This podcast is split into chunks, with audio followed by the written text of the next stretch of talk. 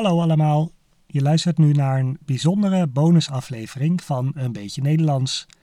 Het leek me leuk om een speciale aflevering te maken naast de normale aflevering, waarin ik samen met een expert praat over het onderwerp van de week. De laatste normale aflevering had te maken met vrouwen in de Nederlandse politiek en deze aflevering gaat daar verder op in. Ik heb Devika Partiman uitgenodigd om hierover te vertellen. Devika is oprichter van de stichting Stem op een Vrouw, die zich inzetten om meer vrouwen in de Nederlandse politiek te krijgen.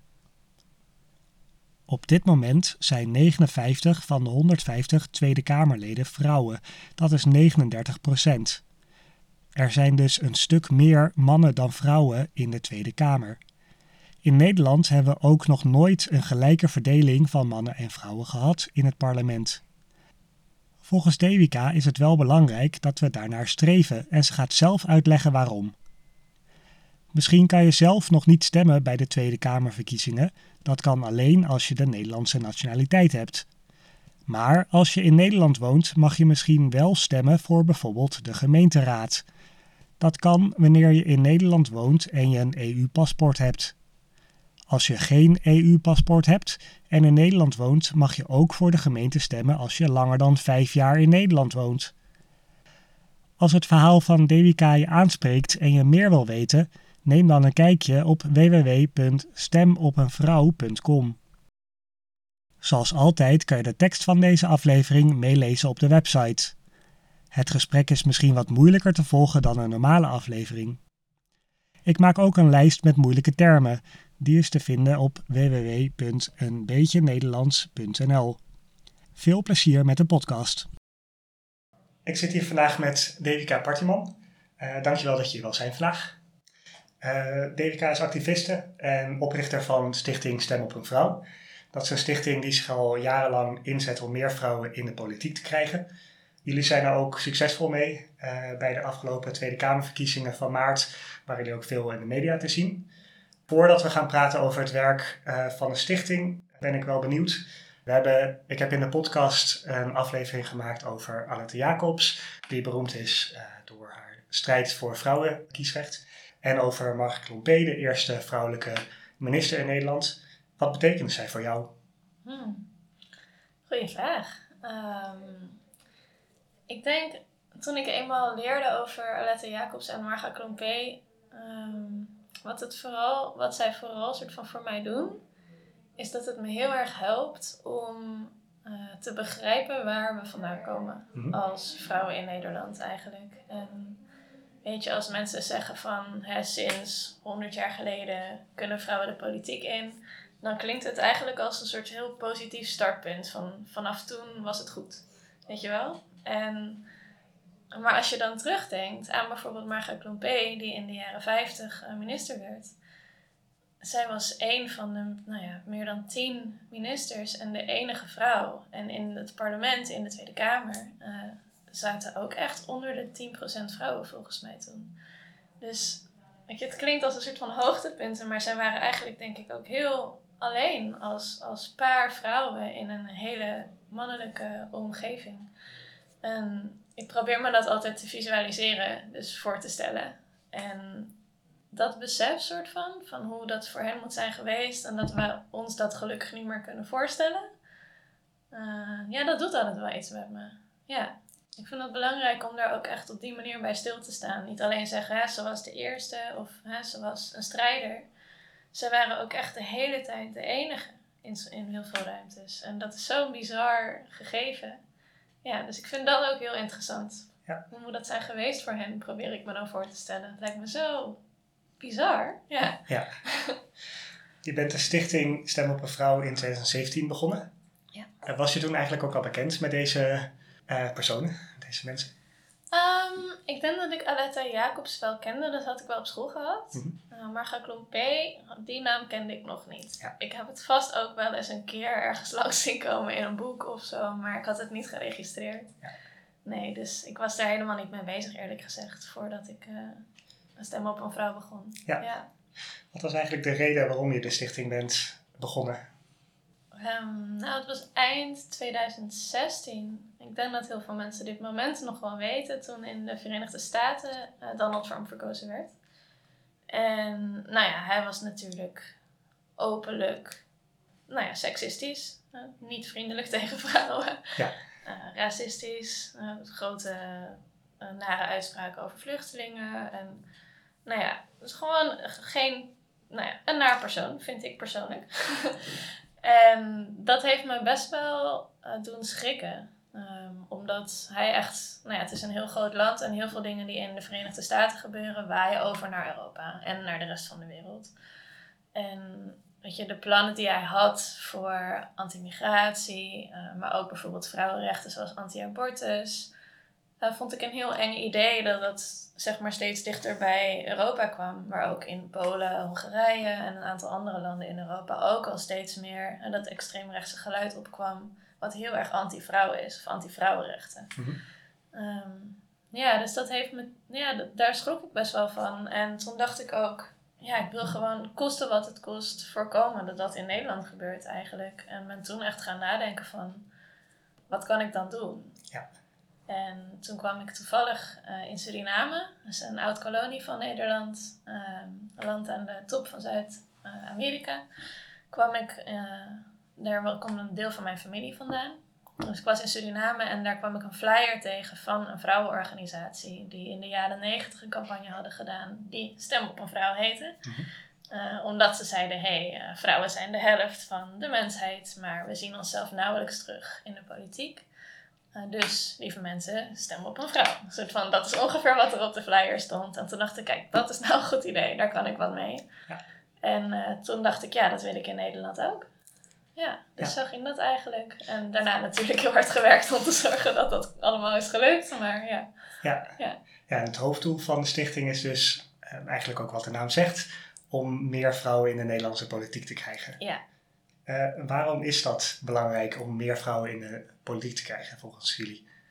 Um, nou, er zijn eigenlijk heel veel redenen voor. Um, de een vindt het belangrijk omdat uh, het dan betekent dat waarschijnlijk zaken die vrouwen aangaan gewoon simpelweg vaker ter sprake komen. Vaker meegenomen worden in beleid. Uh, dus dat is een hele logische en belangrijke reden dat we overal over meepraten wat ons aangaat als vrouwen. En natuurlijk kunnen mannen dat tot op zekere hoogte ook, hè, maar het scheelt toch gewoon als je met een goed aantal bent, omdat het dan wat automatischer gaat. En daarnaast, ik vind zelf ook vooral uh, de functie van rolmodellen heel belangrijk. Hm. En dus dat echt nou ja, vanaf jonge leeftijd meisjes en vrouwen gewoon kunnen kijken naar de politiek en dan altijd wel iemand zien die letterlijk op ze lijkt. Welke huiskleur je dan ook hebt, hoe oud je dan ook bent, wat je sociale klasse is, je opleidingsniveau, whatever. Wat voor type kleding je leuk vindt, gewoon alles. Dat je naar de tv kan kijken, bij wijze van spreken, en een politiek debat ziet en dan ziet: hé, hey, dat zou mijn moeder kunnen zijn, of mijn zusje, of weet je wel. Gewoon om dat idee vanaf heel jongs af aan uh, eigenlijk mee te geven, vooral dus aan meisjes, van hé, hey, jij mag hier ook over meepraten. Politiek is niet alleen mannen in pakken, wat toch heel veel mensen denk ik nog steeds denken. Het is ook niet alleen witte mensen, wat ook in Nederland nogal een probleem is. En het is ook niet alleen mensen van boven de 50 jaar. Dus weet je, het, die rolmodellen hebben, onderzoek toont het ook aan, uh, zeker voor jonge meisjes en jongens, doet gewoon heel erg iets met je ambities. Met de dingen waar je over droomt, uh, hoe je jezelf ziet, in wat voor functies je jezelf kan zien, of je durft je mening te geven. En ja, daar is politiek gewoon een heel belangrijk ding voor. Dus ja. Ik denk dat veel mensen zich dan afvragen waarom mannen zouden dat toch ook kunnen belangen van vrouwen behartigen. Uh, wat is dan daar jullie antwoord op? Ja, natuurlijk. Ik bedoel, ja, andersom zou je ook kunnen stellen alleen maar vrouwen in de politiek, want wij vrouwen kunnen ook de belangen van mannen behartigen. Uh, maar ik denk dat uiteindelijk als je het omdraait, dat mannen het ook niet prettig zouden vinden als er 150 vrouwen in de Tweede Kamer zitten. Niet omdat ze iets tegen vrouwen hebben, en net zo min als ik iets tegen mannen heb. Dat is het punt niet. Het gaat er meer om dat je je kan iemands belangen behartigen of je kan gewoon voor je eigen belangen opkomen. En politiek, vind ik, hoort dat laatste te zijn. Dus dat we niet met een groepje rijke mensen bijvoorbeeld zeggen: hè, wij weten wel wat goed is voor armere mensen. Dat we niet, ja, we hoeven dingen niet voor elkaar in te vullen. Je kan ook gewoon samenwerken. En dat vind ik zelf een mooiere, ja, een mooier uitgangspunt. Ja. ja. Zijn er specifieke onderwerpen waarvan je denkt dat uh, als er een betere verhouding van mannen en vrouwen in de Tweede Kamer is bijvoorbeeld, waar dan volgens jou betere keuzes over gemaakt worden? Um, nou, het is, ik vind het altijd een moeilijke vraag, want uiteindelijk het blijft gissen, uh, het blijft gokken. Want we hebben het nog nooit meegemaakt. Dus we weten wel uit onderzoek dat bijvoorbeeld met meer vrouwen in de politiek dat er meer aandacht is voor onderwijs. Er is meer aandacht voor klimaat. Je ziet ook dat, even los van politiek, dat bijvoorbeeld vrouwen um, zich iets klimaatbewuster gedragen als consument bijvoorbeeld dan mannen. Mhm. Uh, dus ja, er zijn wel kleine verschillen, maar die zijn als groep en die zijn niet individueel. Dus het is niet dat omdat die ene vrouw er zit, dat zij wel even alle vrouwenzaken gaat oplossen. Dus het, is ook, het gaat ook heel erg over cultuur, denk ik, die je dan met elkaar creëert. Ja. Want ik vergelijk het vaak met een groep vrienden.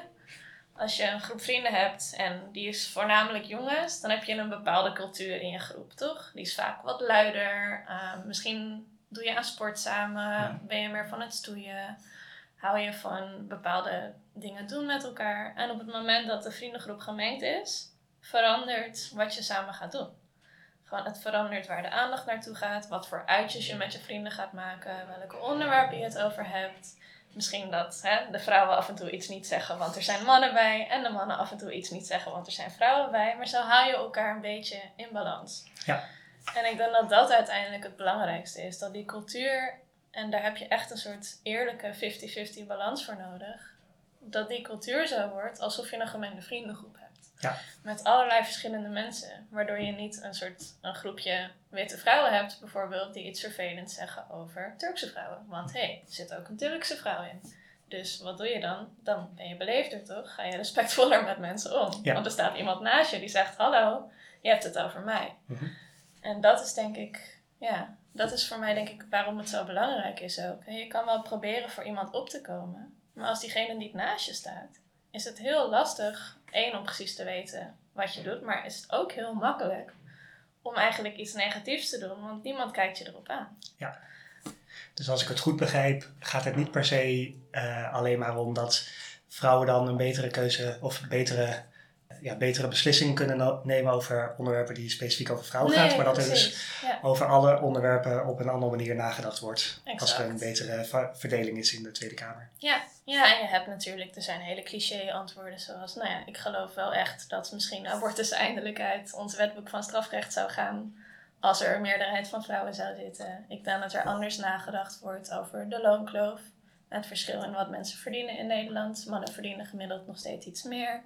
Ik kan me voorstellen dat een meerderheid van vrouwen daar meer prioriteit aan zou geven. Ja. Dus ik kan best wel dingen bedenken van dat zou waarschijnlijk sneller gaan als Ja. er meer vrouwen zitten.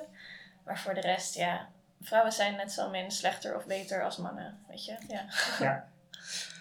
Ehm, zou je kunnen vertellen wat jullie met de stichting doen eh, om meer vrouwen in de Tweede Kamer te krijgen?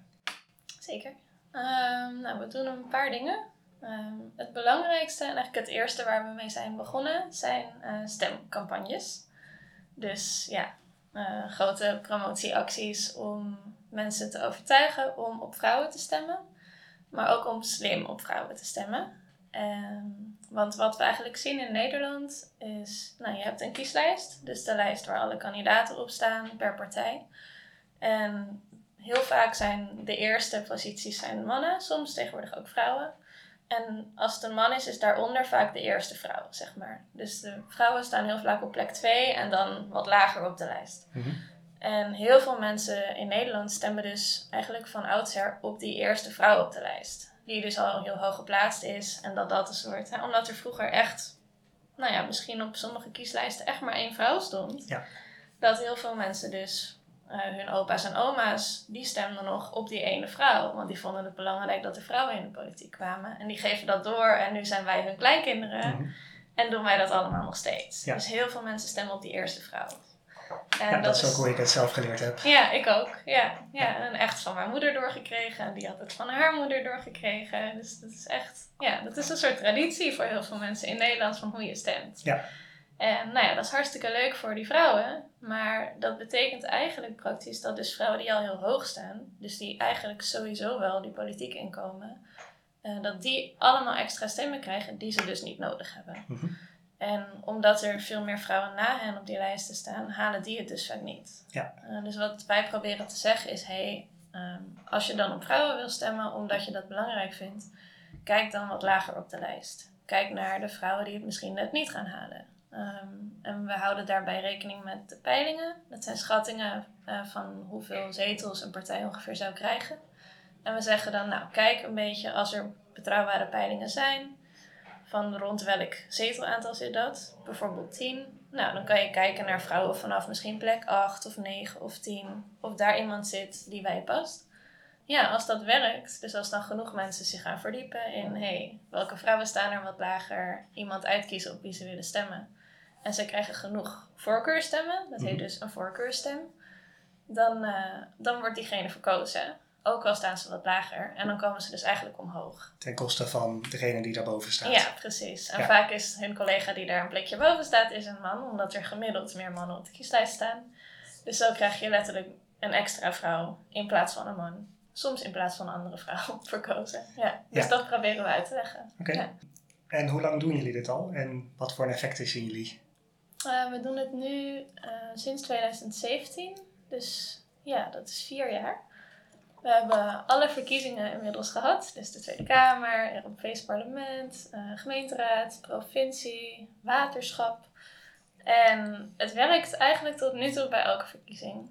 Dus nou ja, soms op kleine schaal, soms heel groot. Maar er zijn in totaal in al die verschillende politieke organen sinds we bestaan al meer dan 200 extra vrouwen verkozen met voorkeurstemmen. Oké, okay, dat is een groot succes zou ik ja, zeggen. dus dat is echt, je ziet gewoon dat het werkt. Dat dit dus een soort nieuwe traditie wordt van mensen die het aan elkaar doorgeven. Van hé, hey, wist je dat je beter wat lager kan stemmen, want het is slimmer, dan krijg je misschien een extra vrouw erin. En ja, dat gaat eigenlijk gewoon heel goed. We bereiken per verkiezing nu iets van 2 miljoen mensen uh, met onze campagnes. En die doen natuurlijk heus niet allemaal wat wij willen, maar wel een, een flink percentage daarvan. Ja. En uh, ja, dat is gewoon heel tof. En je ziet ook dat mensen dus daardoor veel meer gaan, uh, mannen en vrouwen trouwens. Het is echt niet alleen vrouwen die dit leuk vinden, nou, je zei het net zelf ook al. Dat mensen ook veel bewuster gaan kijken van wie vind ik eigenlijk goed? Wie Ja. past er eigenlijk bij mij? En dan op haar gaan stemmen en dus ook veel bewuster eigenlijk een keuze maken. En dat vind ik er zelf eigenlijk vooral leuk aan, omdat het dan echt gaat over en niet een partij alleen, maar je kiest een persoon. Ja. En dat vergeten heel veel mensen. We stemmen op een mens, niet op een partij. Maar het lijkt alsof je alleen maar partijkleur kiest. Mhm. En eh, ja, dat is wel echt heel leuk. En ja. We hebben ook in maart natuurlijk, afgelopen maart hebben we verkiezingen gehad in Nederland voor de Tweede Kamer. Hebben jullie toen effecten gezien van de campagne? Zijn er meer vrouwen in de Tweede Kamer gekomen? Eh, misschien mede dankzij jullie werk? Ja, ik denk het wel. Er zijn, ehm, er zijn toen drie extra vrouwen met voorkeurstemmen verkozen. En het, het gekke met die Tweede Kamerverkiezingen was, eh, we hadden echt een hele goede campagne gedraaid. Heel veel mensen bereikt. Echt weer heel erg uit onze eigen bubbel, zeg maar, gestegen.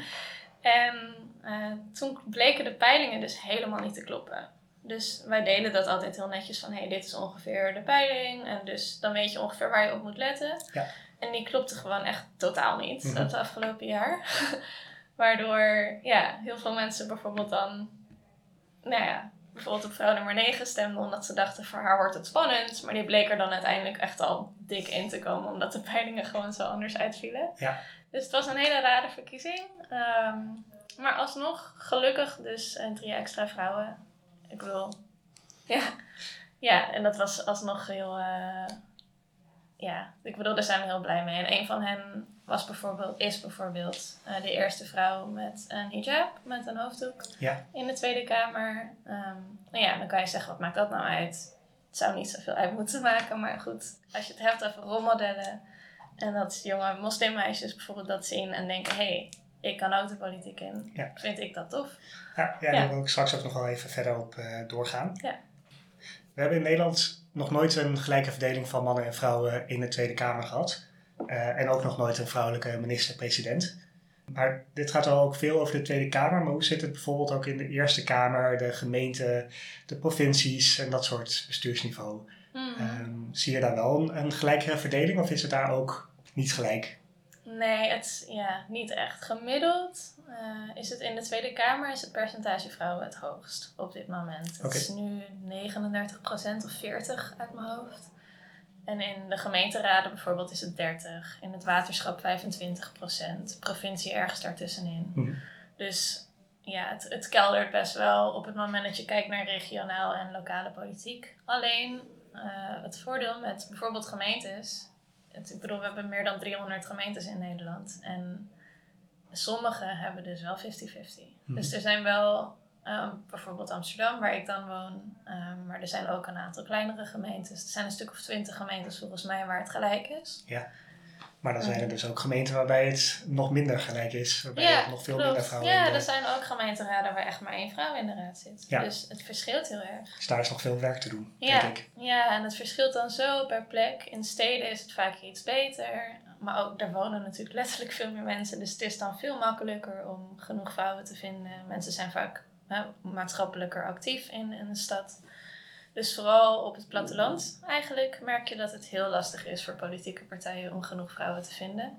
Maar we hebben in Nederland natuurlijk ook de Bijbelbelt. De, de regio in Nederland waar de meeste conservatieve christelijke mensen wonen. En daar zie je dat de partijen het bijvoorbeeld weer niet belangrijk vinden eh, dat er vrouwen op die lijsten staan. Dus dat het daar ook weer scheef is. Dus het verschilt heel erg per plek. En, Ja. ja. Dus het is overal een hele andere context. Weet je een beetje hoe Nederland het doet ten opzichte van andere landen? Is er daar ook veel ongelijkheid in de verdeling van mannen of vrouwen? Of zie je dat andere landen het misschien beter doen dan Nederland? Ehm, nou, wereldwijd gaat het nog steeds best wel slecht. Mhm. Eh, maar Nederland doet het zeker niet eh, bijzonder goed als je het vergelijkt met de rest. We staan best wel laag op. Wat je, nou, er is een soort meetlint hiervoor, dat heet de Gender Equality Index. Eh, die komt eens in de zoveel jaar uit. Waarin onder andere dit wordt onderzocht. Hoe doen landen het nou op het gebied van politieke vertegenwoordiging van vrouwen? En Nederland gaat bungelt daar best wel laag en daalt ook steeds. Oké, dus sinds de afgelopen tien jaar of zo gaan we ook omlaag. Hm. Ehm, dus dat is best wel, we worden heel erg ingehaald eigenlijk met name door eh, Afrikaanse landen. oké. Uh, omdat er daar juist een heel erg push is van vrouwenbewegingen en uh, ja, actieve burgers. En je hebt in Europa bijvoorbeeld, nou ja, Scandinavië doet het al heel lang heel erg goed. En in heel veel Aziatische landen gaat het redelijk. Amerika blijft een drama, dus het verschilt heel erg. Maar ja, Nederland doet het niet per se goed. Oké. Ja. En naast dus mensen overtuigen om op een vrouw te stemmen, wat jullie doen, wat doen jullie nog meer om eh, dit probleem op te lossen? Ja, goede vraag. Ehm, we dachten eigenlijk, we wilden eerst gewoon één keer een campagne doen. Dus we dachten, nou, dat stemcampagne ding, dat is wel genoeg. Mhm. Maar toen merkten we inderdaad van, ja, maar je lost het gewoon niet op daarmee. Ehm, want je moet gewoon zorgen dat meer vrouwen en meiden de politiek ingaan. en leuk als ze slimmer gaan stemmen, maar dat duurt gewoon zo lang voordat je er dan bent, weet je wel. Dus wat we toen zijn gaan doen eh, en wat we nu nog steeds doen, ehm, we zijn trainingen gaan geven. ehm, aan dus ook aan vrouwelijke politici om hen bijvoorbeeld te helpen met hoe ga je om met haantjesgedrag, zoals je dat noemt. Ja. Ehm, Wat is dat? een haan is eh, een, ja, de mannelijke variant van een kip. Ja. En, ehm, en in Nederland betekent een haantje is een woord voor een man die dominant gedrag vertoont. Ja, is beetje stoer, stoer macho gedrag vertoont. Dus haantjesgedrag is een beetje, nou ja, cliché macho gedrag inderdaad. En dat zie je veel in de politiek. Ja, ja, we horen het wel veel. En het verschilt wel dus heel erg. In sommige gemeentes bijvoorbeeld heb je het weer nauwelijks. Eh, Maar op sommige plekken juist weer heel erg. En dat kenmerkt zich vaak heel erg door bijvoorbeeld een hele harde debatcultuur. eh, mensen die veel door elkaar heen praten. ehm, vrouwen die nauwelijks aan het woord komen. Of die het gevoel hebben dat ze niet serieus genomen worden. Dus we geven daar bijvoorbeeld training in. Van hoe ga je daar nou mee om? Uh, maar ook aan politieke aspiranten. Dus vrouwen en meiden die interesse hebben om politiek actief te worden, maar wel wat hulp kunnen gebruiken. Mhm. Dus we geven bijvoorbeeld debattraining, social media training, maar ook gewoon informatieve avonden over wat is het eigenlijk? Wat is politiek? Ja. Wat, wat zijn je eerste stappen? Hoe word je lid van een politieke partij?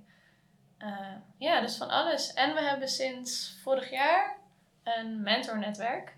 En daar ben ik echt super blij mee. Het is een netwerk waarbij we uh, vrouwen en meisjes met interesse in politiek koppelen aan vrouwen die al politiek actief zijn. Oké. En zij gaan dan eigenlijk hun, zij worden hun mentor. Mhm. Dus zij ontmoeten elkaar dan een paar keer. Kan digitaal zijn of in het echt. En dan kan de aspirant uh, gewoon al hun vragen stellen. En nou ja, echt van iemand met politieke ervaring horen van... Hé, hey, hoe heb jij dat gedaan? Ja, en tips krijgen over Precies. hoe en dingen werken. de politica kan dan haar netwerk delen. En nou ja, je merkt heel erg vaak dat dat echt zo'n leuke wisselwerking wordt. Want nou ja, als politica kom je wel eens in contact met een leuke geïnteresseerde burger die echt wat meer over je wil weten. Mhm. En wie vindt het nou niet leuk om over zichzelf te praten? en ja, en voor de ander is het natuurlijk super leerzaam. Ja. En, en het maakt het ook echter. Dat je iemand ontmoet en denkt, oh jij doet het al. En je wilt ook nog met mij delen waar je tegenaan loopt. hoe je dit voor elkaar krijgt. Je wil mij helpen. Dus Die Ja, dat voorbeeldfunctie waar je het supergoed. over had. ja, ja en dat dat, werkt dan werkt ook in zo goed. Ja, we Ja. zijn dat eh, nou ja, dus vorig jaar gestart en daar hebben we al nu iets van 450 eh, mensen aan een mentor weten te koppelen. Oké, dat is en dat werkt zo goed. Ik bedoel, natuurlijk gaan ze niet allemaal de politiek in, dat hoeft ook helemaal niet. Maar wel, ik denk dat iets van 20% van hen wel de stap zet. Oké. Ja, dus dat is te gek. Ja. ja. Dat is heel cool. Je hint er net ook al zelf een beetje op, maar ehm, de, ja, wat we dan noemen representatie, dus dat eh, mensen zich vertegenwoordigd voelen, mensen met een migratieachtergrond en bijvoorbeeld jongeren, eh, ook daarbij, eh, zeker in de Tweede Kamer, zitten er toch al weinig mensen met een migratieachtergrond of jonge mensen. Hmm. Ehm, zijn jullie ook van plan om daar iets voor te gaan doen of is dat aan anderen om daar eh, Ja, voor te gaan strijden? Of is dat überhaupt denken- niet belangrijk volgens jullie? Oh, jawel, absoluut. Ja, nee, we proberen ook juist heel erg uit te stralen van het gaat ons niet om bepaalde vrouwen, het gaat ons echt om alle vrouwen. Mhm. En dat moet je ook heel erg laten zien. Dus bijvoorbeeld wanneer wij een verkiezingsdebat organiseren, dus een nou ja, debat waarbij kandidaten met elkaar in gesprek gaan. Ehm, dat doen wij, organiseren wij dan omdat wij dan willen dat er alleen vrouwen op het podium staan, omdat je dat bijna nooit ziet. Ja. Dan zorgen we ook echt dat er een mix van vrouwen staat. Dus dat er jonge mensen tussen zitten, mensen met verschillende culturele achtergronden. ehm, nou ja, noem het op. Eh, omdat we willen laten zien van dit is hoe het eruit hoort te zien. Dit is waar we naartoe willen. Ja. En dus heel bewust ook mensen een podium geven die opvallen eigenlijk. We hebben bijvoorbeeld bij ons laatste verkiezingsdebat was een van de kandidaten bijvoorbeeld zwanger. En ja, dat zie je natuurlijk gewoon bijna nooit in de politiek. Ja. En dat beeld van, hé, hey, het maakt niet uit in welke levensfase je bent. Mhm. Je kan gewoon kinderen hebben. Je kan ook zwanger de politiek in. Eh, ja, dat vinden we gewoon heel belangrijk om te laten zien. Dus op Ja. die manier doen we er wel aan. En we proberen ook bij het zoeken naar mensen voor bijvoorbeeld ons mentornetwerk eh, heel bewust te zoeken naar met name jonge vrouwen. Oké. Omdat je daar ook wel ziet die jonge generatie is gewoon diverser. Laten Mhm. we wel wezen. dus, en snapt dat ook wat beter. Zijn er wat vaker mee opgegroeid. En ja, dus we zoeken er wel eh, actief naar. Maar we zeggen niet van, hé, hey, eh, ga nu massaal op jonge mensen stemmen, want we vinden dat het niet aan ons is, zeg maar. We willen wel graag dat mensen zelf kijken wie past er bij je. Ja. Maar wat ik wel heel leuk vind, ehm, en eigenlijk wat we zijn gaan doen, is dat sinds wij bestaan er langzaam dus meer initiatieven bij komen die hetzelfde doen, Mhm. maar dan voor een andere groep. Ja. Dus je hebt nu ook Stem op een Jongere bestaat. Je hebt Kleur de Kamer, wat een initiatief is om eh, Kamerleden van kleur uit te lichten en zo mensen te inspireren. Ik vergeet er volgens mij nog een paar. Oh, je hebt het, dat bestond al voor ons trouwens. Je hebt ook het eh, regenboog, Rainbow Vote van het COC. Het COC is de belangenorganisatie voor mensen die LHBT zijn. En zij hebben een Rainbow Vote website waarop je kan zien welke kandidaten dus bijvoorbeeld LHBT plus zijn. Dus er zijn wel meerdere van dit soort initiatieven. Ja. Ja. Maar Kan je iets eh, meer in het algemeen zeggen hoe het nu gaat met bijvoorbeeld de representatie van mensen met een migratieachtergrond of uh, LHBT-personen. Hoe gaat het nu in, in Nederland? Het gaat, het gaat beter dan eerst. Laat me daarmee beginnen. Je ziet wel echt een stijgende lijn. Mhm. Ehm, er zijn steeds meer zichtbare rolmodellen ook. Dus bijvoorbeeld uh, een van de grotere partijen, D66, die had tot voor kort een uh, Indonesische achtergrond homoseksuele man als lijsttrekker, Rob Jetten. Ja. Was ook nog jong. die tikte allemaal hokjes aan. Um, dus er zijn wel, uh, er zit nu voor het eerst een transvrouw in de Tweede Kamer, Lisa van Ginneken. Dus er, zijn, er worden wel stapjes gemaakt, maar het zijn wel nog steeds de uitzonderingen steeds. En wat je wel heel veel ziet, is dat dus mensen um, met bijvoorbeeld een migratieachtergrond, trans mensen, weet ik het wat, dat ze toch vaak laag op de lijst worden gezet. Oké. En wat je ook wel, nou ja, wat ik ook wel vaak hoor van dus kandidaten van nou ja, achtergronden die je minder ziet, is dat ze ook wel zeggen, hè, omdat we niet met zoveel zijn, is het ook heel lastig om dan heel openlijk te zeggen: hé, hey, ik ben bijvoorbeeld trans. Of hè, ik sta heel erg voor bijvoorbeeld de Surinaamse gemeenschap. Want mhm. op het moment dat je dat doet, verwacht iedereen van je: oh, maar dan kom je op voor hun belangen. Ja. En dan word je eigenlijk je identiteit een beetje platgeslagen, alsof je niet meer bent dan dat. En heel veel mensen zitten daar natuurlijk niet op te wachten. Dus het is ook, als je met zo weinig bent, is het eigenlijk heel lastig om voor die belangen op te komen. Omdat je dan in dat hokje wordt gedrukt de hele tijd van, hè, je bent trans, dus je hebt het de hele tijd over transrechten. Ja. Bijvoorbeeld. Dus dat is ook wel, ik denk dat het een beetje een tussenfase is. Als je nog met weinig bent, dat dat er gewoon bij hoort. Ja. maar dat is denk ik wel, ja, dat is wel een beetje de realiteit nu. Het zijn er net te weinig om eigenlijk je hokje te ontstijgen ja, we begonnen het gesprek met een aantal inspiratiebronnen.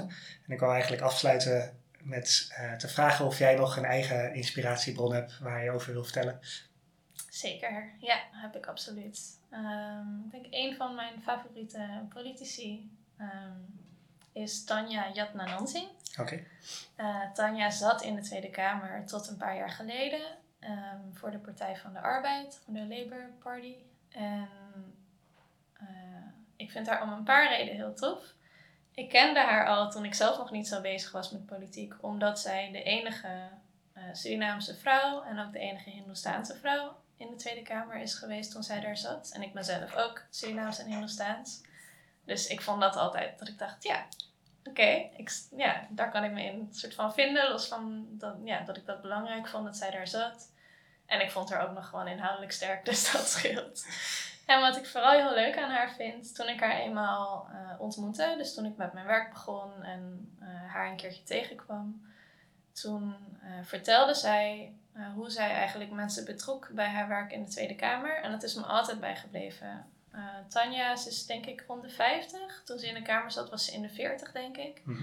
En haar passie was echt jonge mensen betrekken. En dat is natuurlijk best wel lastig, want de Tweede Kamer is een chic chic gebouw. Jongeren mhm. zijn niet zo politiek geïnteresseerd over het algemeen. Dus wat zij deed, was ze organiseerde pizza-sessies. En uh, dan nodigden ze dus jongeren uit, bijvoorbeeld van scholen in de buurt, maar ook gewoon via via, om bij haar pizza te komen eten. Ze zei, jullie hoeven niks. Gewoon, jullie krijgen gewoon gratis pizza van mij. Het enige wat je doen, hoeft te doen is komen. Mhm. En dan lieten ze eigenlijk gewoon praten. En dan ging ze gewoon kijken, waar hebben ze het over? Wat leeft er bij hen? Um, hebben ze nog ideeën of tips voor mij? Om gewoon ook dat vertrouwen op te bouwen. En gewoon laagdrempelig te zeggen, hé, hey, jullie mogen hier gewoon zijn. Ik nodig jullie uit. Je krijgt gewoon eten en that's it. Ja. En dat werkte dus heel goed. Daardoor, en elke week deed ze dit. Dus dat elke week had ze een pizza sessie. En ja, zo bleef zij dus in contact met allemaal verschillende jonge mensen die daarna ook wisten: hé, hey, als ik ergens tegenaan loop, kan ik Tanja bellen. En ja, dat, vond ik zo tof. Dat ik dacht, het is zo simpel eigenlijk van hoe je als politica je werk kan doen. Als je zegt van ik wil opkomen voor jongeren, ja, dan moet je ze de hele tijd uitnodigen. En ja. ze deed dat echt met passie. Dus dat is een mooi voorbeeld. Ja. ja. Ik wil je bedanken voor dit gesprek. Ik denk dat het heel helder was. En veel succes in de toekomst. Dankjewel, leuk om te doen.